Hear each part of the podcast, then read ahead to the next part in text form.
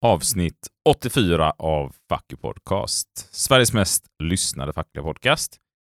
Idag sitter jag helt själv i studion här. Varken Sebastian eller Jim är med. Och då kommer vi vara sådär högeffektiva som vi brukar vara när de inte är med. Vi kommer i princip att spela en introlåt och sen bara pang är vi mitt uppe i Stockholm, nämligen på LO-borgen och ska besöka Laura Hartman, chefsekonom för Landsorganisationen. Så effektiva är vi när Jim och Sebastian inte är med. Vill du fortsatt att Sebastian och Jim inte ska vara med för att vi ska ha en mer, mer effektiv podd?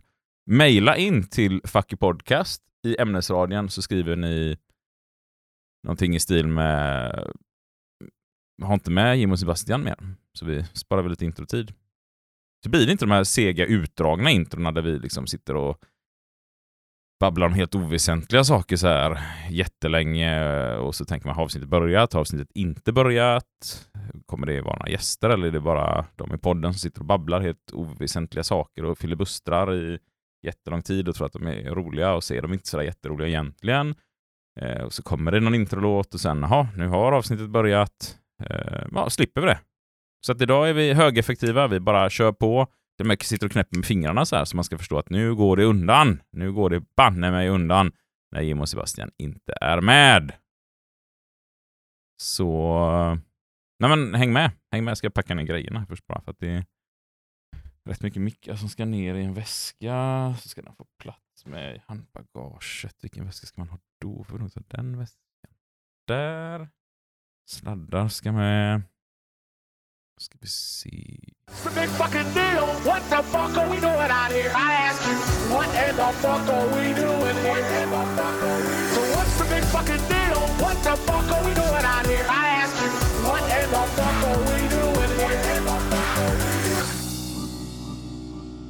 Hej och välkommen säger då till Laura Hartman, chefsekonom på LO. Tack! Du är ganska ny i den här rollen ändå får man säga.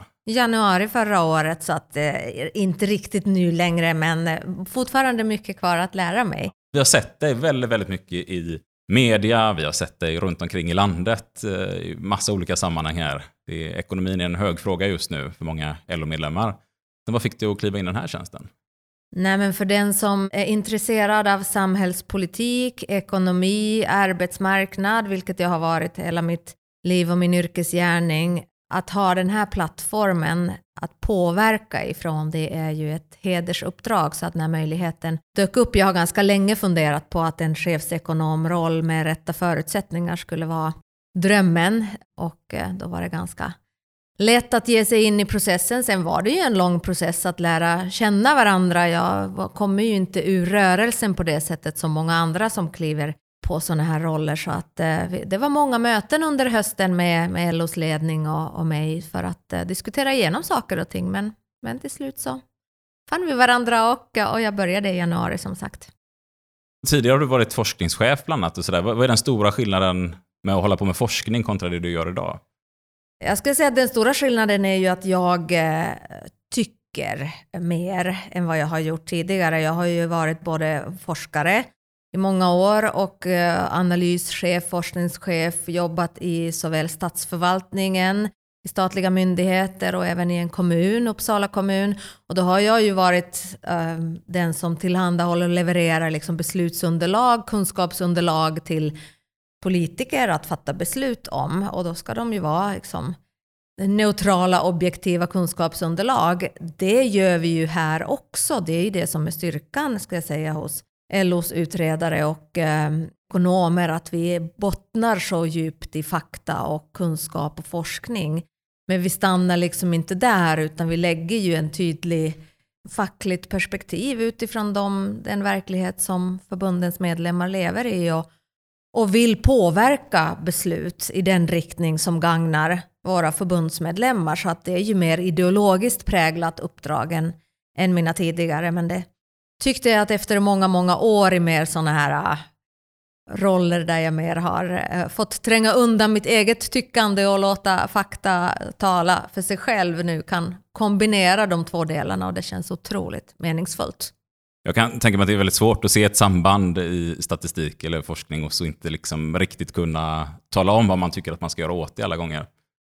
Precis, alltså det, det, är klart att jag har eh, fört fram liksom slutsatser utifrån de forskningsresultat som finns och det är ju egentligen vetenskapsteoretiskt är det här ju en jättefråga såklart. Kan man verkligen vara objektiv? Jag menar man påverkas ju naturligtvis bara det vilka frågor man väljer att studera styrs ju av någon slags intresse och ideologi oftast. Nu har jag ju liksom dragit slutsatser och gett policyrekommendationer.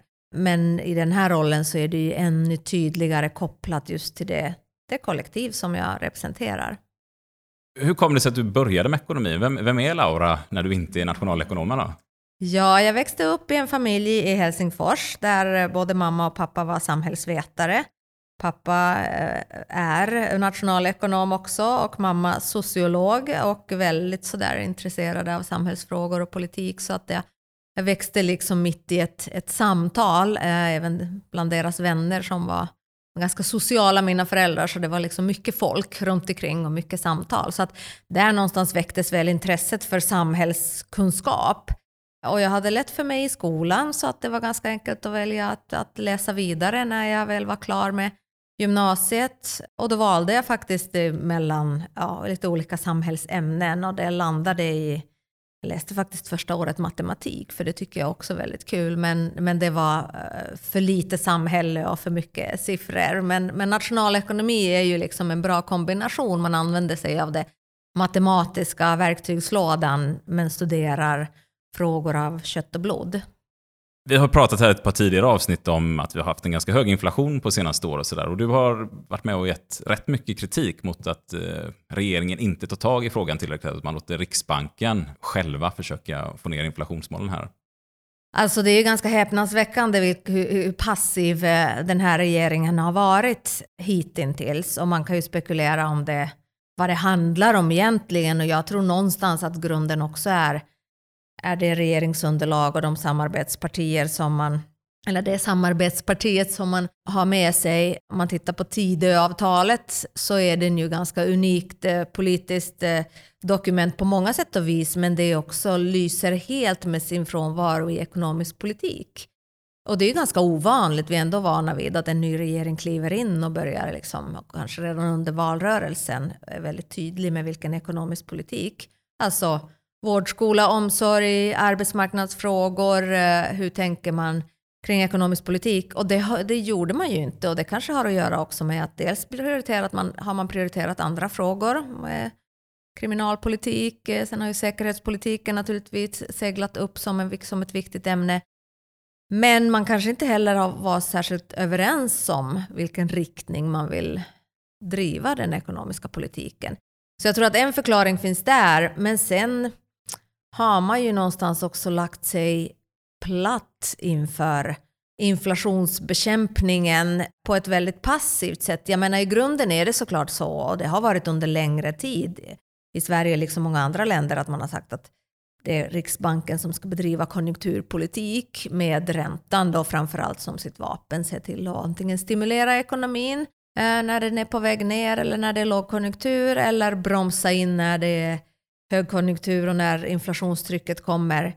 Så det har ju varit lite grann traditionen, men i det här läget nu, där vi har en väldigt ovanlig inflation skulle jag säga, där eh, det inte kommer från en högkonjunkturläge där ekonomin är överhettad, där alla har mycket pengar, alla har jobb, det konsumeras mycket och därigenom drivs priserna upp det är inte den situationen vi lever i, utan vi har en annan typ av inflation som kommer från utlandet kombinerat med från början ganska neutralt ekonomiskt läge och nu i alla fall på sina håll i landet eh, lågkonjunktur så krävs det ju lite annan typ av politik. Och då menar jag och vi LO-ekonomer att man borde ha regeringen borde ha klivit in och eh, stöttat framförallt de familjer, de hushåll som har det tuffast.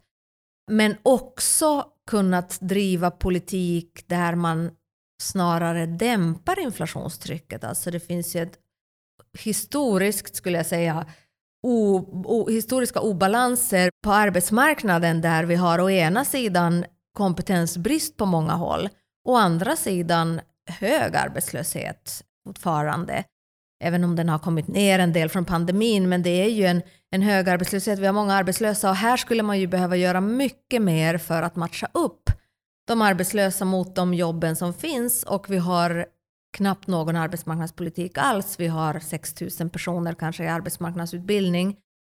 Och det där är ju ett typiskt exempel på politikområde där man skulle kunna göra mycket mer för att verkligen underlätta för arbetsmarknaden. Ett annat område är energi politiken, energieffektiviseringar, olika åtgärder för att göra oss mindre beroende av energi. För det var ju det som från början har kastat oss in i den här inflationen och det som urgröper hushållens ekonomi. Och båda de här områdena skulle ju vara sånt som snarare skulle minska på inflationstrycket. Så att regeringen skulle kunna göra mycket mer om man bara gömmer sig bakom det här. Vi ska inte satsa pengar därför att då spär vi på inflationen och då måste Riksbanken höja räntan ytterligare och då, är, då gör vi ingen nytta. Och jag menar på att så enkelt är det inte. Det är inte ansvarsfullt då att uttrycka sig så. När vi pratar om fackliga värnen brukar vi prata om den aktiva arbetsmarknadspolitiken och det är den man känner att idag det finns en nästan helt avsaknad av aktivt jobba med den helt enkelt. Ja men det är så är det. Vilket är roligt också för det var där någonstans jag började min forskarbana. Jag har skrivit min doktorsavhandling om just utvärderat arbetsmarknadspolitik. Och det är klart så att det har funnits tider i svensk historia, bland annat 90-talet då vi hade väldigt, väldigt hög arbetslöshet och till kris i ekonomin under flera års tid. Då blåste man ju upp då kom arbetsmarknadspolitiken till väldigt stora volymer. Det var inte alldeles enkelt och det var inte jätteeffektivt. Så att, och det är bland annat just den perioden som jag har utvärderat i min doktorsavhandling och det tyvärr var en del till och med negativa effekter. Alltså det hade varit bättre att söka jobb utan att eh, delta i de här åtgärderna. Men då pratar vi om en väldigt, väldigt, väldigt höga volymer. Alltså vi var uppe på 90 000 deltagare, 100 000 kanske i arbetsmarknadsutbildning. Idag har vi 6 000 senast jag kollade siffran. Det Enormt stor skillnad. Enormt stor skillnad. Och vi har, skulle jag ändå våga påstå, liksom utvecklat en hel del förståelse och metodik hur man, vem man ska anvisa till vilken typ av åtgärd och så. Det är ju det som hela den här forskningen som jag bland annat själv har bidragit till under de senaste 20-25 års tid har lett till så att vi förstår bättre hur vi ska använda den verktygslådan också. Och med vi menar jag då uppenbarligen inte regeringen därför att de väljer nu snarare att avisera liksom minskning, ytterligare minskningar i Arbetsförmedlingens budget. Det här är ett trätoämne, det har det varit under längre tid. Det har ju funnits liksom starka viljor att privatisera arbetsmarknadspolitiken. Jag vågar påstå att det finns inte eh, evidens, alltså forskningsevidens för att det skulle vara bättre. Man har gjort stora sådana reformer i Nya Zeeland och i andra länder i världen. Det har inte visat sig fungera eh, särskilt mycket bättre alls, ibland till och med sämre.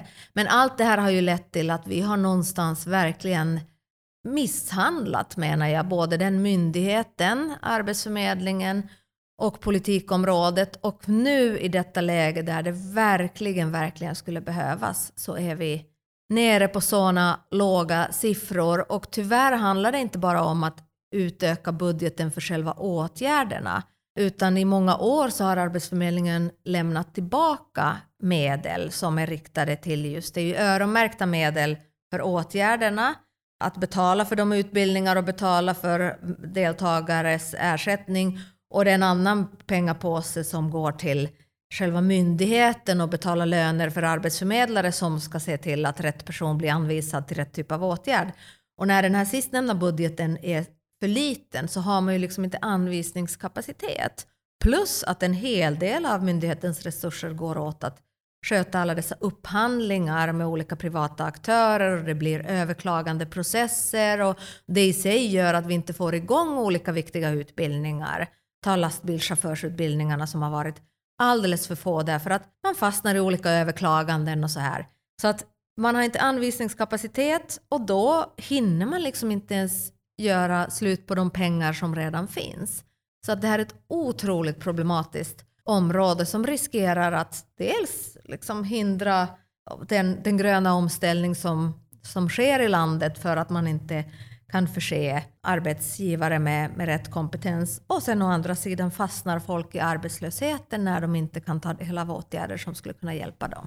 Och så har vi mängder med företag som står och skriker efter folk, men det finns inte tillräckligt kompetent eller rätt utbildad eh, personal för att ta in.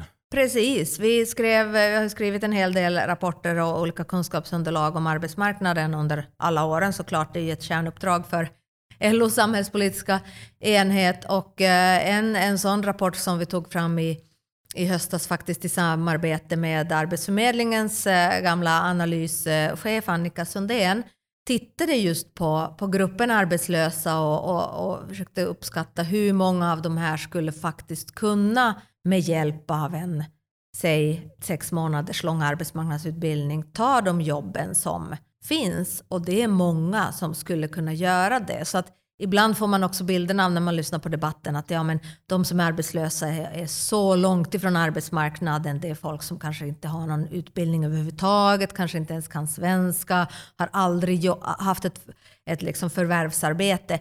Ja, de, de människorna finns också eh, i den gruppen, inte sällan just i eh, kvinnor som har flyttat in från andra länder till Sverige som, som kanske inte har någon formell utbildning överhuvudtaget.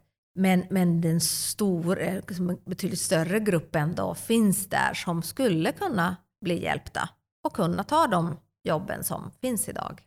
Jag kan tänka mig också, vi har haft eh, stora bolag i Västsverige som har jobbat med kompetensutveckling på ett väldigt bra sätt. Där man har tagit de som idag redan är inne och utvecklat dem vidare i bolaget för att så sätt släppa in folk på de tjänster som kanske inte kräver samma långa eh, kompetensbakgrund. Så det finns ju fler effekter man skulle kunna få ut av att jobba med det på rätt sätt.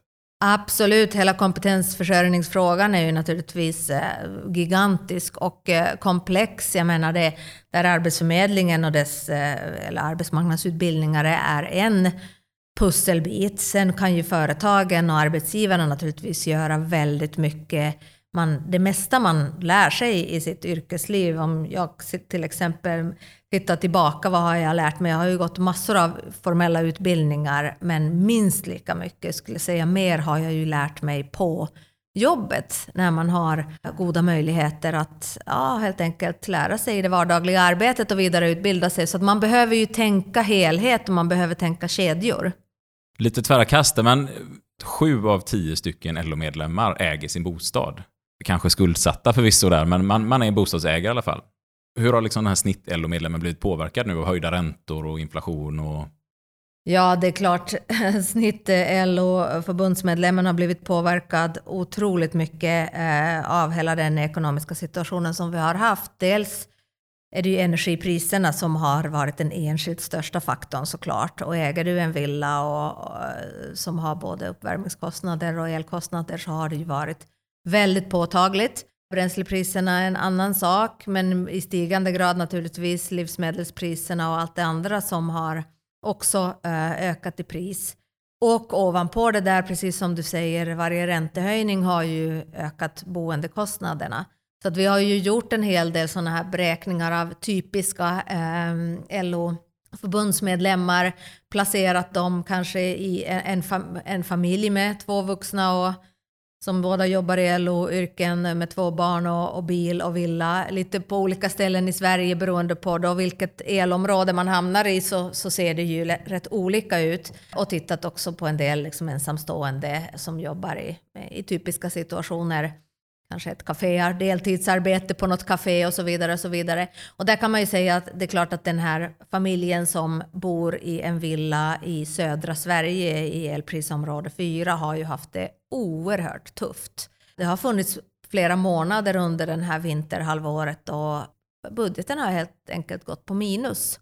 Om vi tittar på liksom de typiska lönerna, mm, typisk villa med 1,4 miljoner i lån, bil som man kör någon slags genomsnittlig sträcka och så tar vi inkomsterna och drar av alla de, enligt Konsumentverket, då, nödvändiga kostnader som ju verkligen inte innehåller någon lullull, inga presenter till barnens kompisar eller, eller nya fotbollsskor eller något annat sånt då har ju den här familjen haft, gått på minus. Alltså upp till minus 6-7 tusen kanske i, i de tuffaste månaderna. Och fortfarande nu när vi tittade på marssiffrorna så även om energipriserna har kommit ner och så, så var det fortfarande minus eh, vet, 1400 eller någonting i den storleksordningen.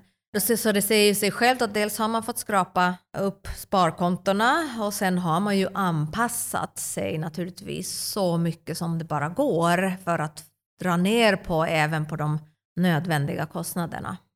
Och då kliver vi in i en lönebildning nu som är historiskt sett i närtid, får man väl säga att det kanske är den högsta löneökningen procentuellt sett som vi haft sedan...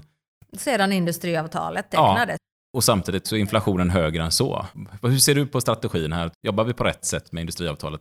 Framförallt måste man ju säga att det har varit den absolut tuffaste avtalsrörelsen i modern tid, också sedan industriavtalets uppkomst. Det är ju nu någonstans hela den här modellen sätts på prov. Vi tänker 80-talet och 90-talet så hade vi ju betydligt högre nominallöneökningar, men vi hade också en högre inflation som fastnade och det var ju det som var liksom anledningen till att man var tvungen att hitta en ny ordning där vi faktiskt kan få reallöneökningar, vilket vi ju har haft i nu 25 års tid. Inte nu i år och inte förmodligen de närmaste tiden heller. Och det har såklart varit jätte, jättesvårt. Frustrationen stor hos alla de här familjerna som jag nyss beskrev som inte får budgeten att gå ihop. Men eh, samtidigt så, så tror jag att det är givet allt detta sagt och, och som sagt hur tufft det än är så är det ändå den rätta vägen att gå. I slutändan är det våra grupper, LO-förbundens medlemmar som ändå har liksom de lägre inkomster än många andra i samhället som kommer att lida värst om inflationen verkligen fastnar och sätter sig i ekonomin. Så att det är klokt att motverka det och klokt att hitta en balans där vi ändå under en överkomlig tid förhoppningsvis nu när mycket, mycket tyder ju ändå på att den här inflationen är på väg ordentligt redan under detta år så kommer vi att rädda liksom, den positiva reallöneutvecklingen. Och tillbaka här då till de här höjda styrräntorna. Där har ni gått ut med ganska hård kritik här mot Riksbanken och talat om att det bestraffar arbetarna i princip. Ja, alltså huvudargumentet, eller det finns ett antal argument för den hårda kritik som vi har fört fram. Och då vill jag bara säga också inledningsvis att jag menar inte och att det hade varit klokt att låta bli helt och hållet och höja räntorna och leva kvar i någon slags noll, nollräntemiljö i all evighet. Det är inte det som vi menar. Men man har gått för hårt åt och framförallt de, den, absolut den senaste höjningen från 3 till 3,5 procent, den var ju alldeles onödig. Det är en historisk stor och snabb höjning av räntan och det, den förstärks också av det faktum att hushållen är så pass högt belånade som de är i Sverige så att den den effekt som det här får i plånböckerna, den här äh, räntehöjningen, motsvarar en, ränte, en kanske dubbelt så stor ränteökning på 90-talet då skuldsättningen var lägre. Så att det, och då förstår man att man börjar tänka sig att inom ett år höja räntan från 0 till 7 som det hade varit då motsvarat på 90-talet. Då snackar vi verkligen en, en kraftig höjning. Och det är det vi har sett här. Och kritiken som vi har riktat bygger ju på ett antal argument och det främsta är ju att när inflationen är så tydligt importerad från utlandet så biter ju inte räntevapnet på de internationellt satta energipriserna. Oavsett vad Riksbanken gör så kommer inte energipriserna i utlandet påverkas. Det andra är också då att vi har ju egentligen under hela vintern och nu framförallt när avtalen också är, eller i alla fall märket är satt och fler och fler avtal har landat så har vi inte haft någon risk för någon eh, lönespiral som är det som någonstans krävs i citationstecken för att inflationen sätter sig. Så att Sverige har liksom institutionerna på plats så att det här inte riskerar att, att sprida sig. Sen vet vi att det får, varje räntehöjning får stora effekter i ekonomin. Dels genom att hushållen, ekonomin blir mer och mer ansträngt, man anpassar sig jättemycket i sin konsumtion, man kämpar fram. Men naturligtvis också investeringarna och inte minst bostadsinvesteringarna ser vi ju störtdyker. Det är i princip inga nya projekt som startas nu. Och det där är en jätteviktig del i eh, liksom för ekonomisk tillväxt och hela ekonomin att vi har bostadsinvesteringar. Så att det får spridningseffekter och kyler ner ekonomin. Och en nedkyld ekonomi leder ju förr eller senare till ökad arbetslöshet och alla de liksom, eländen som, som en lågkonjunktur innebär. Så att den här liksom, inflationsbekämpningen med räntan är ineffektiv mot inflationen men sker på stor bekostnad i termer av ja, lågkonjunktur. Och det är liksom en, en fel balans helt enkelt. Ni har skrivit lite om handlingsplanen, eller så där, vad ni tycker är liksom de viktigaste punkterna man behöver jobba. Nu har du redan varit inne på ett par av dem. Nej, men för det första så, så menar vi att den här risken att en mer expansiv finanspolitik skulle leda till liksom, inflationstryck och, och sådär, den är, den är överdriven. För att som sagt, återigen, den här inflationen har en annan karaktär. Den kommer från energipriser. Det tar sin stund innan de här energipriserna liksom sprider sig i alla led. Men när, det väl, när de väl har gjort det, när alla har justerat upp sina priser så, och energipriserna stannar av, att, eh, liksom, och det har de ju redan gjort, då kommer den här inflationen att stanna upp och, och gå ner mer eller mindre av sig självt. Så att, att i det här läget då gå fram med, med lite mer expansiv finanspolitik, det är min bedömning att det skulle inte alls behöva spä på den här inflationen så som läroböckerna säger. Jag tror inte man kan riktigt lita på alla lä gamla läroböcker i det här ganska unika läget. Men dessutom är det ju så att finanspolitik kan man ju styra på rätt eller på fel spår för den delen. Man kan ju välja var man satsar och lite beroende på var man satsar så kan det också få lite olika effekter i ekonomin. Inte minst fördelningspolitiskt såklart. Man kan ju rikta finanspolitiken till, eh, till de grupper som man vill hjälpa och, och stötta. Och då menar ju jag att dels det här med att, att Sverige har varit ganska, jämfört med många andra länder, ganska generell i sin, den, den, lilla politik som man nu har fört fram här finanspolitiskt.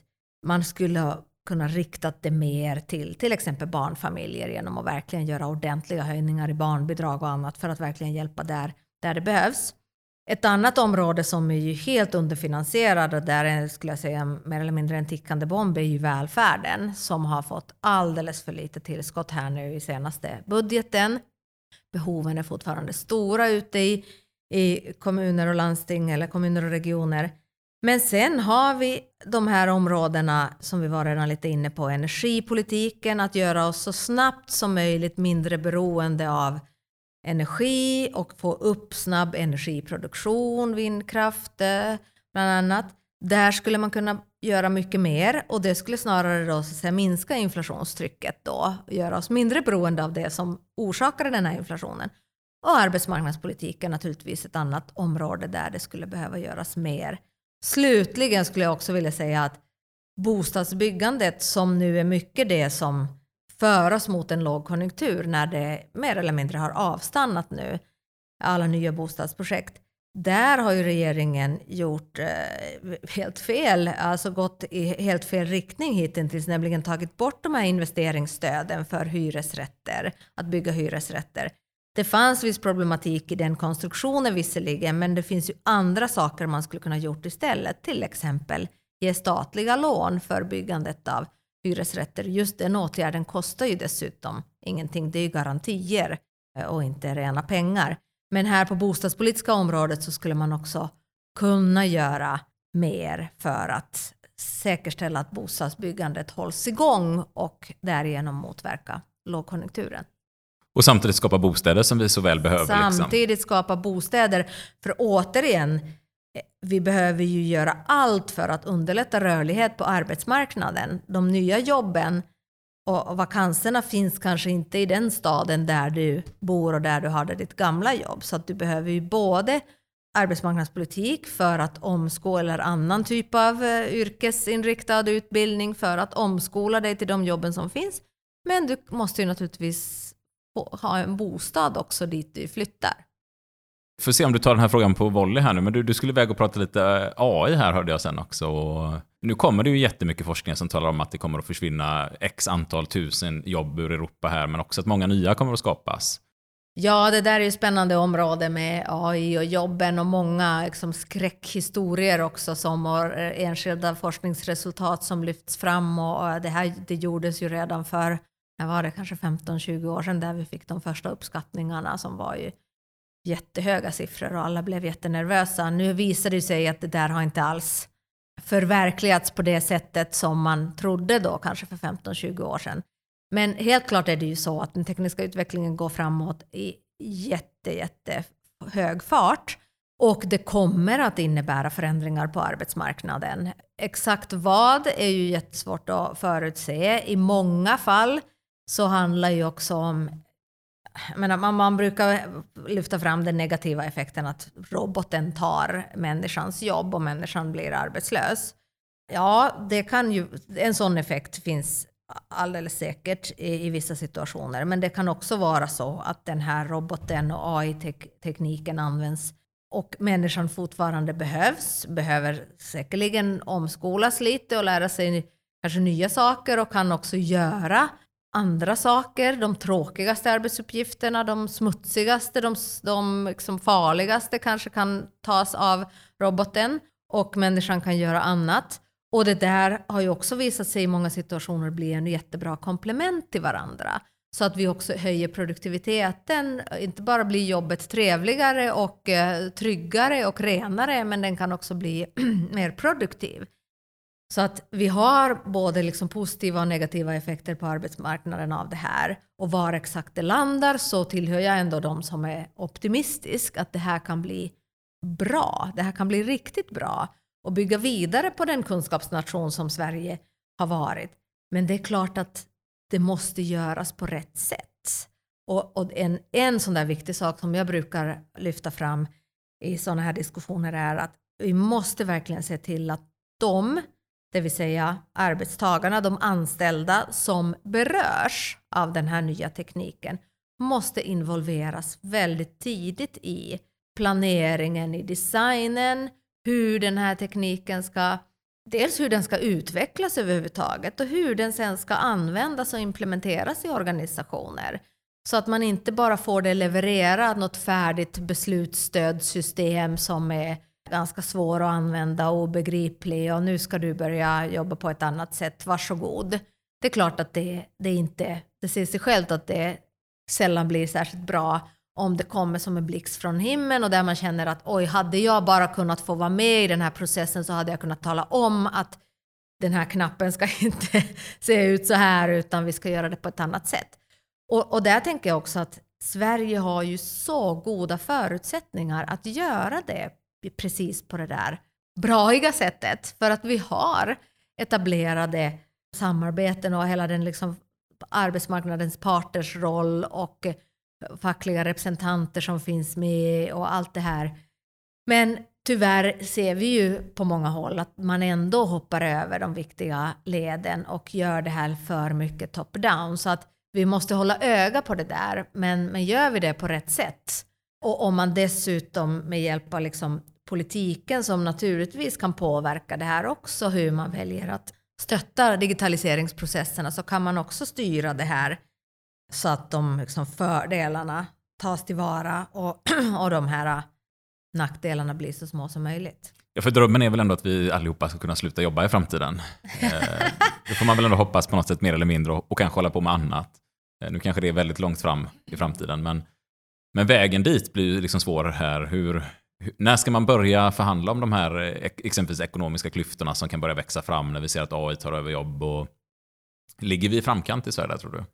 Nej, men jag tror tyvärr inte att vi kanske tar tillräckligt höjd för det här. Jag menar, det är ju stora politiska eh, förklaringar och ambitioner att vi ska vara liksom, den bästa digitaliserings landet i världen. Men man måste ju verkligen eh, jobba med den här på arbetsplatserna i vardagen.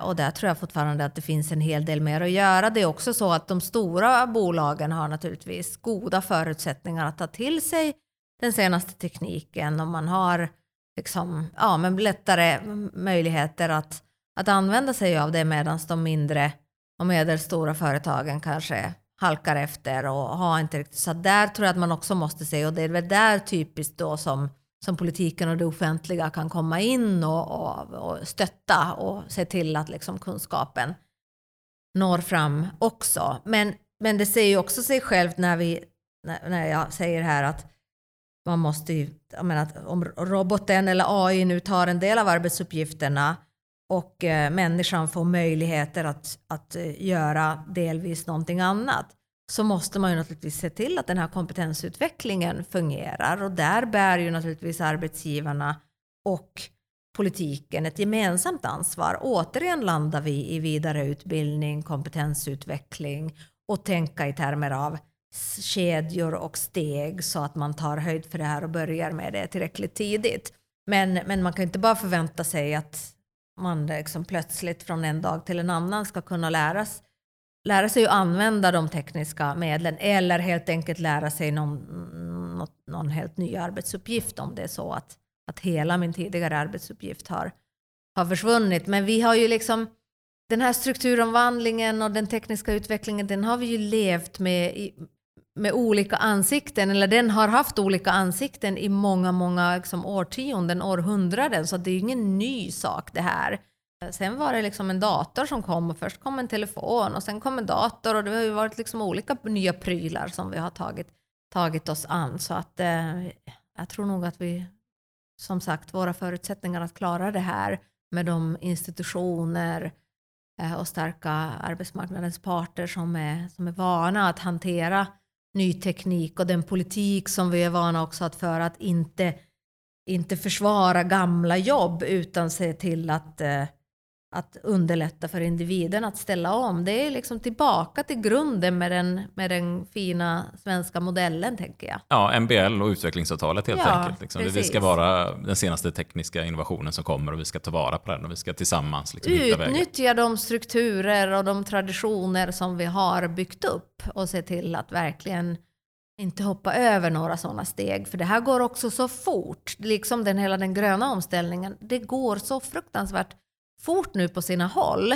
Så man måste verkligen ändå ha is i magen och, och komma ihåg att använda de, de institutionerna och de, de forum som man har för att göra det riktigt bra. För det kostar lite för mycket sen att försöka backa bandet och, och rätta till.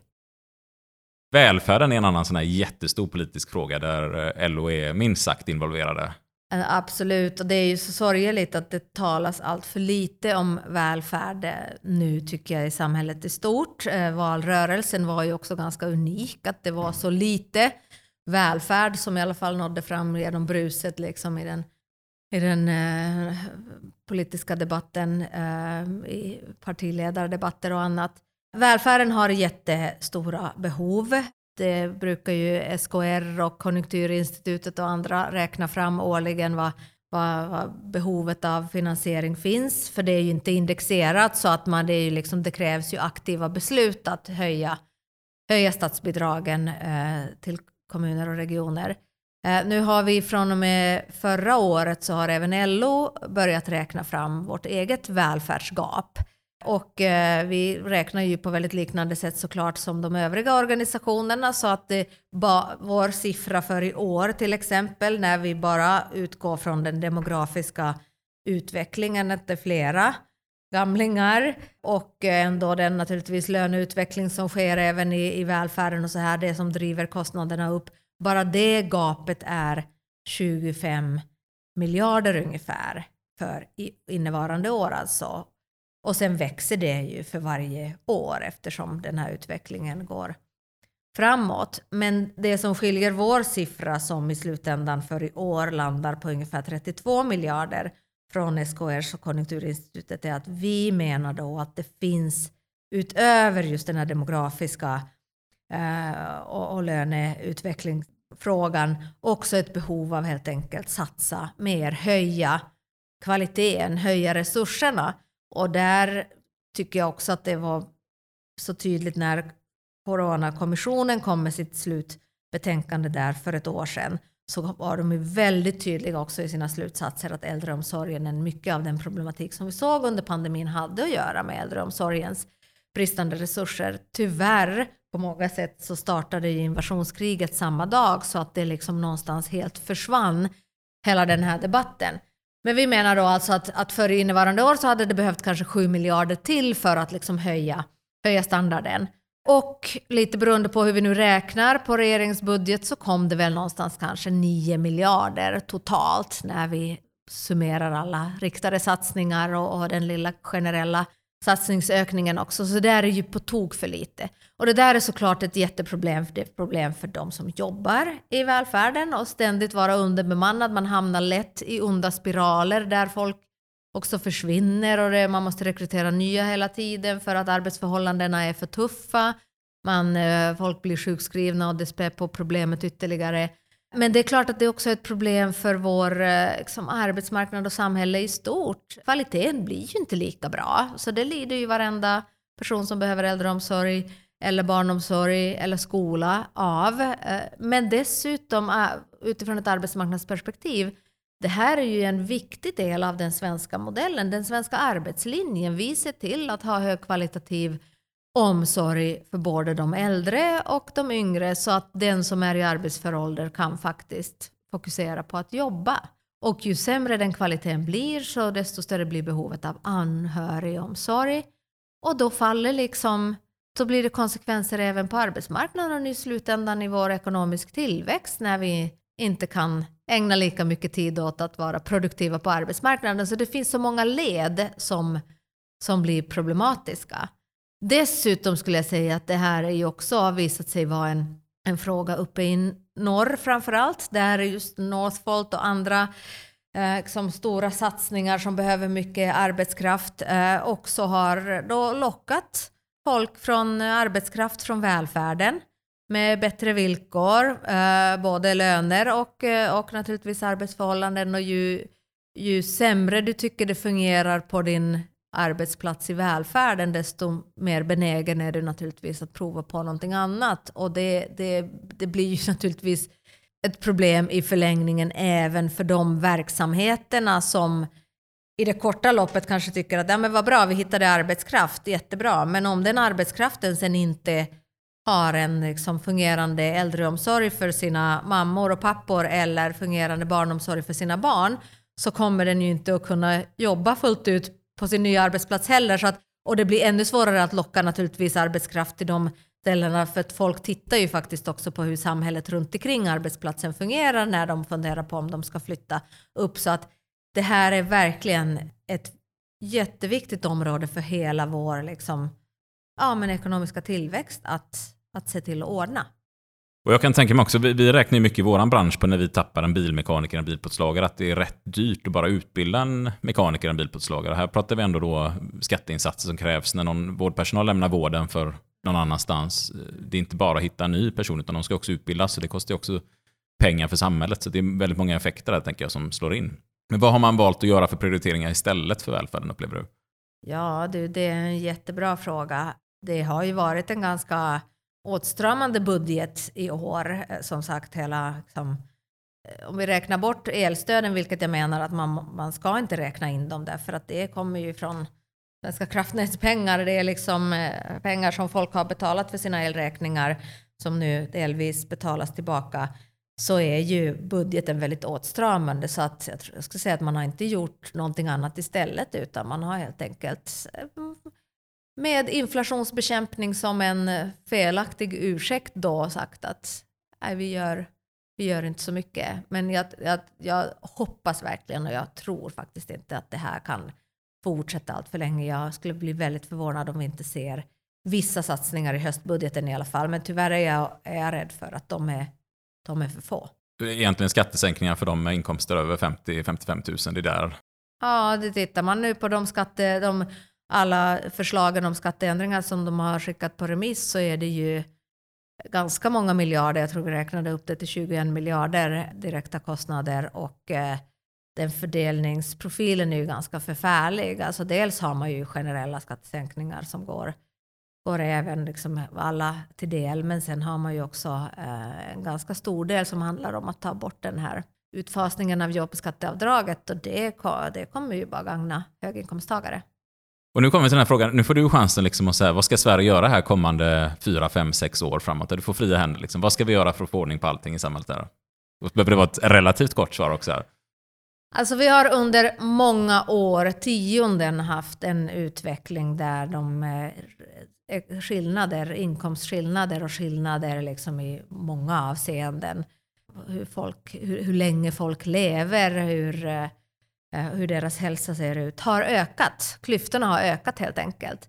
Och det här är ju tyvärr en utveckling som har liksom skett oavsett regering. Sen har det kanske skett i lite olika fart. Och det där är, jag skulle säga att det där är verkligen den stora utmaningen för vårt samhälle. Vi kan inte låta det där fortsätta. Det får allt för stora såväl mänskliga, ekonomiska konsekvenser, demokratiska konsekvenser. Det finns forskning som tyder på att även liksom ökade inkomstskillnader minskar tilliten till politiken, tilliten till varandra.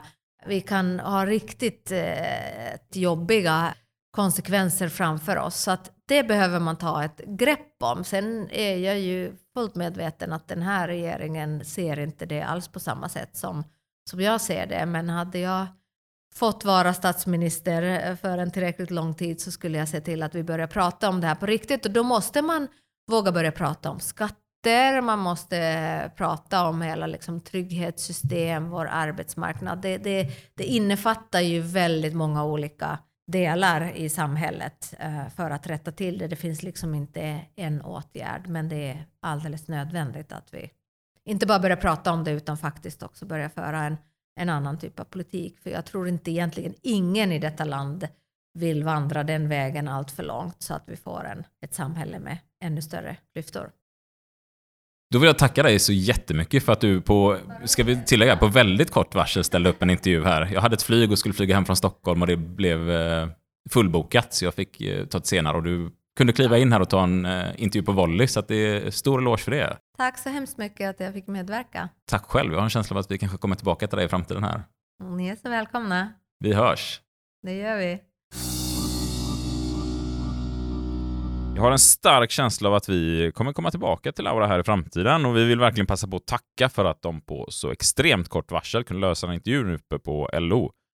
Det var nämligen som så att jag skulle flygit hem från Stockholm redan klockan sju på morgonen, men eh, fick två dagar innan reda på att eh, planet som jag trodde att jag var bokat på var fullbokat. Så att eh, jag fick en liten lucka mitt på dagen och eh, där löste Jens Lundberg, pressekreterare på LO, så att Laura kunde ställa upp och vi körde den här intervjun. Så Ett jättestort tack till er att ni kunde ställa upp och som sagt, vi lär återkomma till Laura i framtiden här. Vi har en hel del spännande gäster bokade under och efter sommaren där vi kommer prata lite kring arbetarägda företag. Vi kommer prata lite om påverkan via våra kollektivt ägda kapital. Vi kommer även prata arbetssamhället så att eh, stark känsla av att vi kommer komma tillbaka till Laura. Just nu är klockan 23.54. Det är måndag och jag har eh, hållit en utbildning, en förhandlarutbildning. Jag har suttit i studiekommittémöte, kom hem och fick mina tre barn kastade över mig för min fru skulle på styrelsemöte. Nattat dem och eh, ja, nu förhoppningsvis så ska jag kunna klippa klart den här podden till klockan 06.00 imorgon bitti här. Så att eh, något superkul outro blir det tyvärr inte heller till avsnittet. Och det kan vara som så att vi eh, kommer att ta en liten sommarpaus här i podden. Vi är extremt fullbokade ett tag framöver. Vi ska försöka göra vårt absolut, absolut, absolut yttersta för att kanske få till ett sommaravslut, en after work-avsnitt eller någonting här. Vill man stötta oss så att vi kan fortsätta bedriva den här podden som vi gör på vår fritid så kan man bli medlem i Facky Podcast Arbetarkulturella Förening. Då blir man medlem i ett år och man väljer själv om man vill betala medlemsavgift så man kan swisha in som några har gjort en 500 -ring. Man kan swisha in 200 spänn, man kan swisha in 100 man kan swisha in 5 spänn, 10 spänn, vad man känner för. Jim och Sebastian har sagt att jag måste sluta så att man kan swisha in en enkrona för då kostar det mer för oss att ta emot swishen. Men helt ärligt, är det en enkrona ni har så kan ni väl göra det, så kan någon annan swisha in en liten extra summa för er så vi slipper betala för ett medlemskap, för det tappar lite sitt syfte då. Men eh, allt stöd hjälper oss och framförallt kan ni använda gilla och dela-knapparna och se till att podden sprids. Vi har fortfarande inte lagt en spänn på reklam. Så att hjälp oss gärna få spridning på podden. Jag vet att Sebastian delar ut affischer hej vilt också.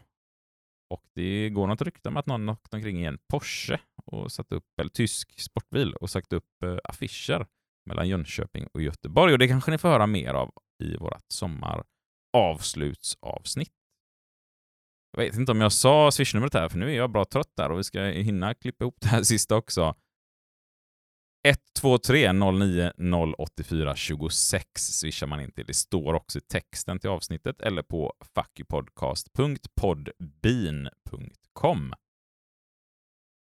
Ja, roligare outro än så blir det inte idag. Utan istället så skickar vi ett stort tack till Laura.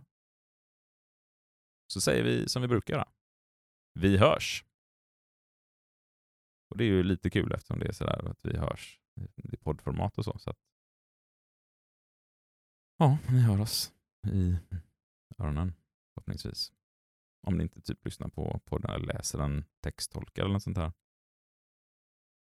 Då tappar skämtet lite sin uh, funktion.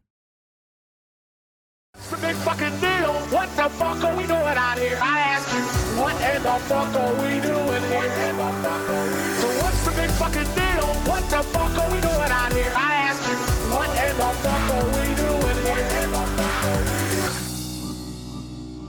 lät ju så jäkla deppigt där innan autolåten var slut. Det, så vill vi inte att det ska avsluta ifall vi inte hinner med ett sommaravsnitt. Så att eh, tusen tack alla lyssnare för ert stöd och delningar och fram och tillbaka. Det är helt fantastiskt kul och det ger så jäkla mycket energi när ni mejlar in till oss eh, och sätter betyg på podden.